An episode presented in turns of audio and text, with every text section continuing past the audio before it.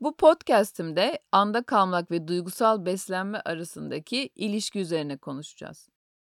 Konuşacağız diyorum çünkü bu podcast'imde çok özel bir konuğum var. Yazar ve koç Rana Beri.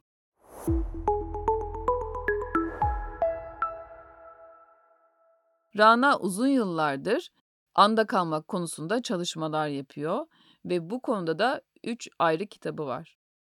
Anda kalmak, ilişkilerde anda kalmak ve en son olarak olmak üzere yaşamak. Öncelikle Rana'cığım hoş geldin. Hoş buldum Verda'cığım. Nasılsın? Çok iyiyim, teşekkürler. Burada bu programda seninle olmak da ayrıca çok mutlu etti beni. Gerçekten geldiğin için tekrar tekrar teşekkür ediyorum.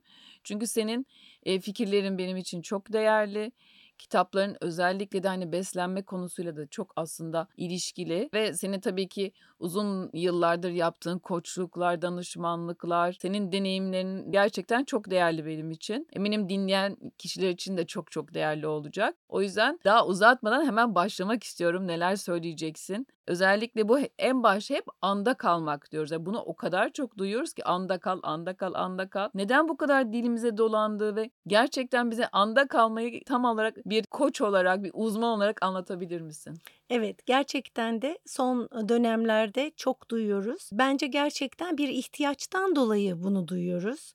Çünkü yaşam hızla akıp gidiyor, etrafımızda çok uyaran var ve biz özellikle çağrışımlarla zihnimizin bize devamlı geçmişteki şeyleri hatırlatması, gelecekle ilgili bizim endişelerimizi tetiklemesi sonucunda ya geçmişte ya gelecekte kendimizi buluyoruz ve şu anda her ne yaşıyorsak acısıyla tatlısıyla bir şekilde onu es geçiyoruz. Yani yaşıyormuşuz gibi zannederken aslında yaşanmamış hayatın içinde buluyoruz kendimizi. O yüzden de bu anda kalmak kavramı ki ben bununla ilgili Türkçe ilk kitabı yazdım bildiğin gibi 2018 yılında. Çok farklı kavramlar var, mindfulness var, farklı ruhsal, spiritüel kavramlar var. Bunlar bence Türkçe'de çok net değildi. Bu kitapla netleştirmeye çalıştım bu kavramı.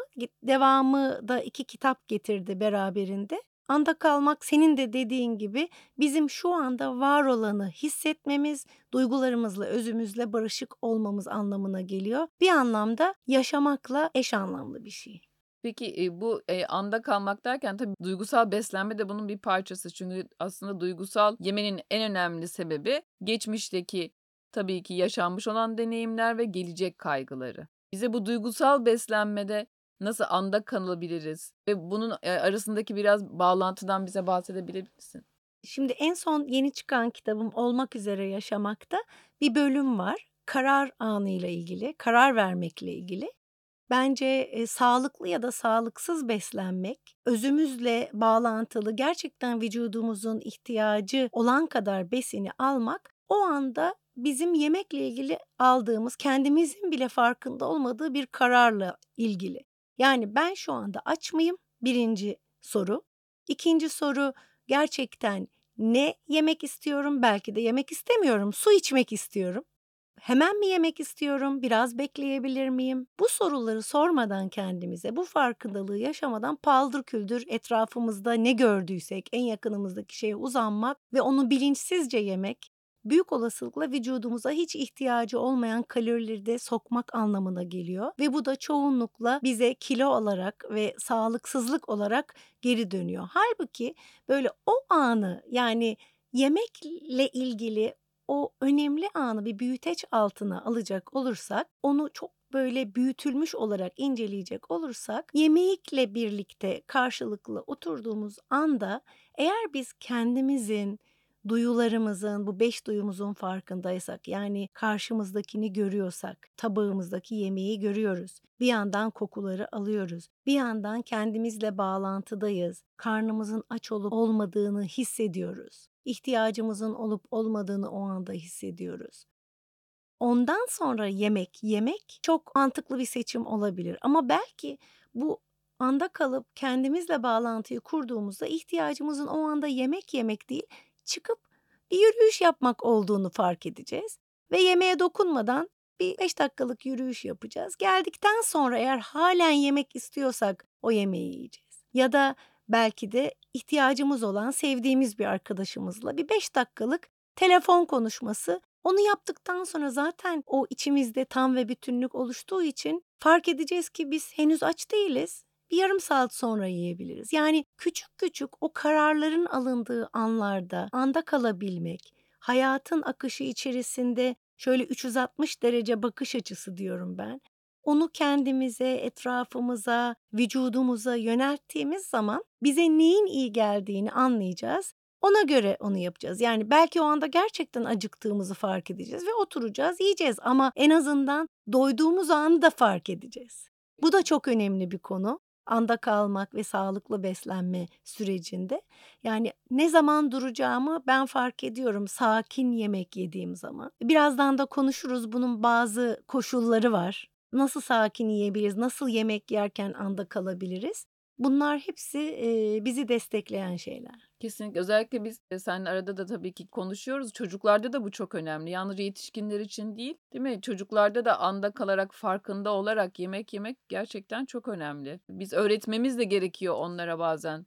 Yol göstermemiz de gerekiyor. Yalnızca kendimiz için değil, çocuklarımız için, etrafımızdaki kişiler için de hep beraber anda kalarak da yemek yemekte. Yalnızca bireysel olarak değil, Kesinlikle. hepimizin farkına varması gerekiyor. Bazen aile sofralarında böyle bir paldır küldür nasıl yemeye başladı, nasıl bitti? İnsan bazen anlayamıyor. Aslında herkesin bir sakin kalıp farkına vararak, tadına vararak çünkü orada hem duygu, sevgi, şefkatli bir aile ortamı var. e, Hem de bir taraftan güzel yiyecekler var. İkisini güzel bir şekilde yani anın tadını çıkararak aslında yapmak gerekiyor Evet. herhalde. Zaten e, anın tadını çıkararak, anda kalarak yenen sofrada hiç kimse fazla yemiyor. Çünkü orada o kadar güzel bir tat alıyorsun, o kadar keyfin yerine geliyor, sevdiklerini görüyorsun, anlamlı bir şeylerden bahsediyorsun. Yemen gerektiği kadar yiyebiliyorsun. Ama bunun olmadığı daha çok daha zihinsel konuşmaların yapıldığı, daha farkındalıksız etkileşimlerin olduğu farklı ortamlarda da tam tersi çok fazla yediğimiz olabilir.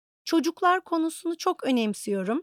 İlişkilerde anda kalmak kitabımda özellikle çocuklarla anda kalmak, çocuğumuzla anda kalmakla ilgili iki ayrı bölüm yazmıştım. Fakat şunu söylemeden geçemeyeceğim. Yani çocuklara yol göstermemiz evet gerekiyor ama daha büyük çocuklara, özellikle toplumun etkisi altında kalmaya başlamış olan çocuklara biz yol göstermemiz, rehberlik yapmamız iyi oluyor ama bebeklikten itibaren küçük bir çocuğa baktığımızda aslında müdahale edilmediğinde o ne kadar yiyeceğini biliyor. Mesela süt emen bir bebeği düşünelim. Emiyor, yorulduğu zaman ve doyduğu zaman emmeyi bırakıyor. Yani onu ne kadar zorlarsan zorla emmiyor ve uykuya dalıyor. Çok doğal bir süreç.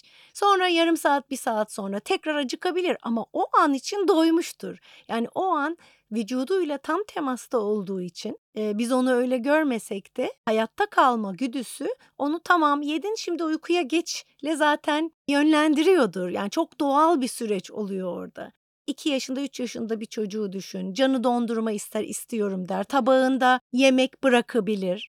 Çok koymuşsak. Bu arada bunu da söylemek çok önemli. Bizler genellikle çocuklarımız değil kendimiz açısından bakıp çok fazla porsiyonlar koyabiliyoruz ama onların mideleri de çok küçük. Ondan sonra da onlara ısrar ederek işte tabağındakini bitir, işte bak Afrika'daki çocuklar Evet, bunları tabii ki. bulamıyor gibi bildiğimiz Evet. şeyleri söyleyip onların belki de vicdanlarını biraz rahatsız edip yemelerini sağlıyoruz ama bu o çocuğun kendisiyle bağlantısını kopartıyor. Yani demek ki benim aldığım sinyalin bir önemi yok. Yani annemin dediği kadar yemeliyim noktasına geldiği için genişleyen bir mide, kendiyle bağı kopmuş bir iştah algısı ortaya çıkabiliyor. Benim naçizane önerim ben çok dikkat ettim çocuklarımı büyütürken. Fazla koymadım ya da yemek kaldığı zaman hiçbir zaman ısrar etmedim. Hiç tamam kalkabilirsin dedim. Hala da bunu özellikle kızım söyler. Sen bana hiç ısrar etmedin. O yüzden ben doyduğum zamanı çok iyi biliyorum. Bence bu çok kıymetli bir şey. Çocuklar büyüyüp okula gittikleri zaman yani çevrenin etkisinde daha çok kaldıkları zaman yavaş yavaş cep telefonları, internet bu tür çok uyaran devreye girdiği zaman da bence ikinci bir zorlu dönem başlıyor. Yani çocuklar o içlerindeki sesle bağlantıyı kaybedebiliyorlar. Çünkü dış sesler çok fazla ve birdenbire mesela bilgisayar oyununu oynarken kendinden geçip çok fazla yemek yiyebiliyor ya da önüne koyduğu cipsi doydum mu doymadım mı bakmadan bitiriyor. Hatta gidiyor bir tabak daha alıyor belki çünkü zevkli bir şey Kesinlikle. tuzlu içinde aroma arttırıcı Tabii, tabii, maddeler ac var bu baharatlar var. yiyeceklerin. Evet. Çok lezzetli Patates şeyler dışında bunlar. her şey var, evet. Aynen öyle. O yüzden de, eee, o çocuk da mesela o çocuğa dediğin gibi yapabileceğimiz en büyük rehberlik bunları anlatmak. Hani hiçbir şey yeme değil belki tam da büyüme çağı oluyor çocukların bu yaşlar genelde ama onun yerine sağlıklı bir şeyi yerine koymasının ona daha iyi geleceğini onlara anlatmak ki çocuklar hemen bunları anlıyorlar. Yani Evet, ilk neyin önce anlamıyorlar, Evet. isyan diyorlar ama sonra aslında hep Evet. hep onu söyleye söyleye bir şekilde o, Evet. eee, doğru karar verme mekanizması kesinlikle Evet, gelişiyor. evet. Bunun en iyi örneklerinden biri benim gözlemlediğim. Sen bu konuda gerçekten kendinle gurur duyabilirsin. Jerry, Evet, senin oğlum. oğlun gerçekten, eee, çok sağlıklı beslenmeye başladı. Bu he hem fiziğine yansıyor, her şeyine yansıyor ama bu hemen olmayabiliyor. O yüzden, Kesinlikle. eee, ebeveynlere buradan bir önerimiz, bu konuda konuşmaktan vazgeçmeyin. Tatlı tatlı onları yargılamadan, işte, "Çok yedin, şişmanladın." falan gibi E, konulara hiç yasaklama girmeden olmadan. Evet, en başta kendimiz örnek olarak tabii bu Tabii ki. her şeyden önemli. Sağlıklı besinleri evimize sokarak, başka alternatifleri çok bulundurmayarak, belki haftada bir bir ödül gibi Hı hı. sadece ya da ödül demeyelim, ödül de yanlış. O haft a değişiklik olarak belki sunabiliriz ama eve sokmamak, onların elinin altında bulunmamasını Evet. sağlamak iyi bir şey. Evet, Bir de yine çocuklarla birlikteyken sofra zamanı çok kıymetli. Hani hepimiz şu anda bir tabakta bir şey yiyip belki televizyon seyredip ayrılabiliyoruz ama 15-20 dakika bile olsa birlikte çocukla karşılıklı oturulan bir masada yenilen yemeğin, yani anneye bakarak, çocuğu dinleyerek, çocuğu bizi dinlemesine izin vererek, sessiz, cep telefonlarının belki bir an için kapatıldığı ve kenarda bırakıldığı bir ortamda şöyle mesela küçük bir çiçek koyarak masaya ya da güzel bir masa örtüsü koyarak, o bile olmazsa yaptığımız yemeğin üzerine küçük bir garnitür koyarak çocuğun görsel dikkatini oraya çekmek. Zaten güzel kokusu var yemeklerin. Belki beraber hazırlamak, Beraber çok güzel. hazırlamak, evet. Onun bütün 5 duyusu derken, hani, görmek, duymak, dokunmak, koklamak bunların hepsi var. Eee, ne yapıyor? Kendisi hazırlarken dokunma devreye giriyor. Belki hamuru yoğuruyor, belki salatayı kesiyor. Bir yandan gözüyle görüyor renkleri, çıkan yemek kokularını hissediyor.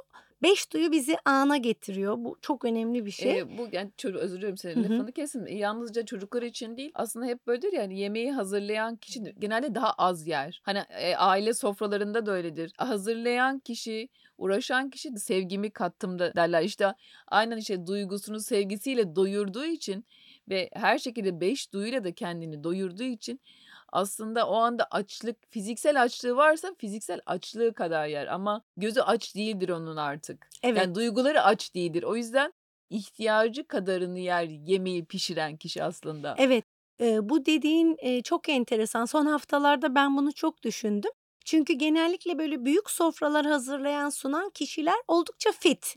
Evet. hatta öyle bir tanesine geçen gün sordum, "Sen hiç yemiyor musun? Bu kadar yemek yapıyorsun." Bazen de, eee, sosyal medyadan paylaşıyor. Yani tencere tencere yemek, özel günlerde özellikle ailesini bir araya getiriyor.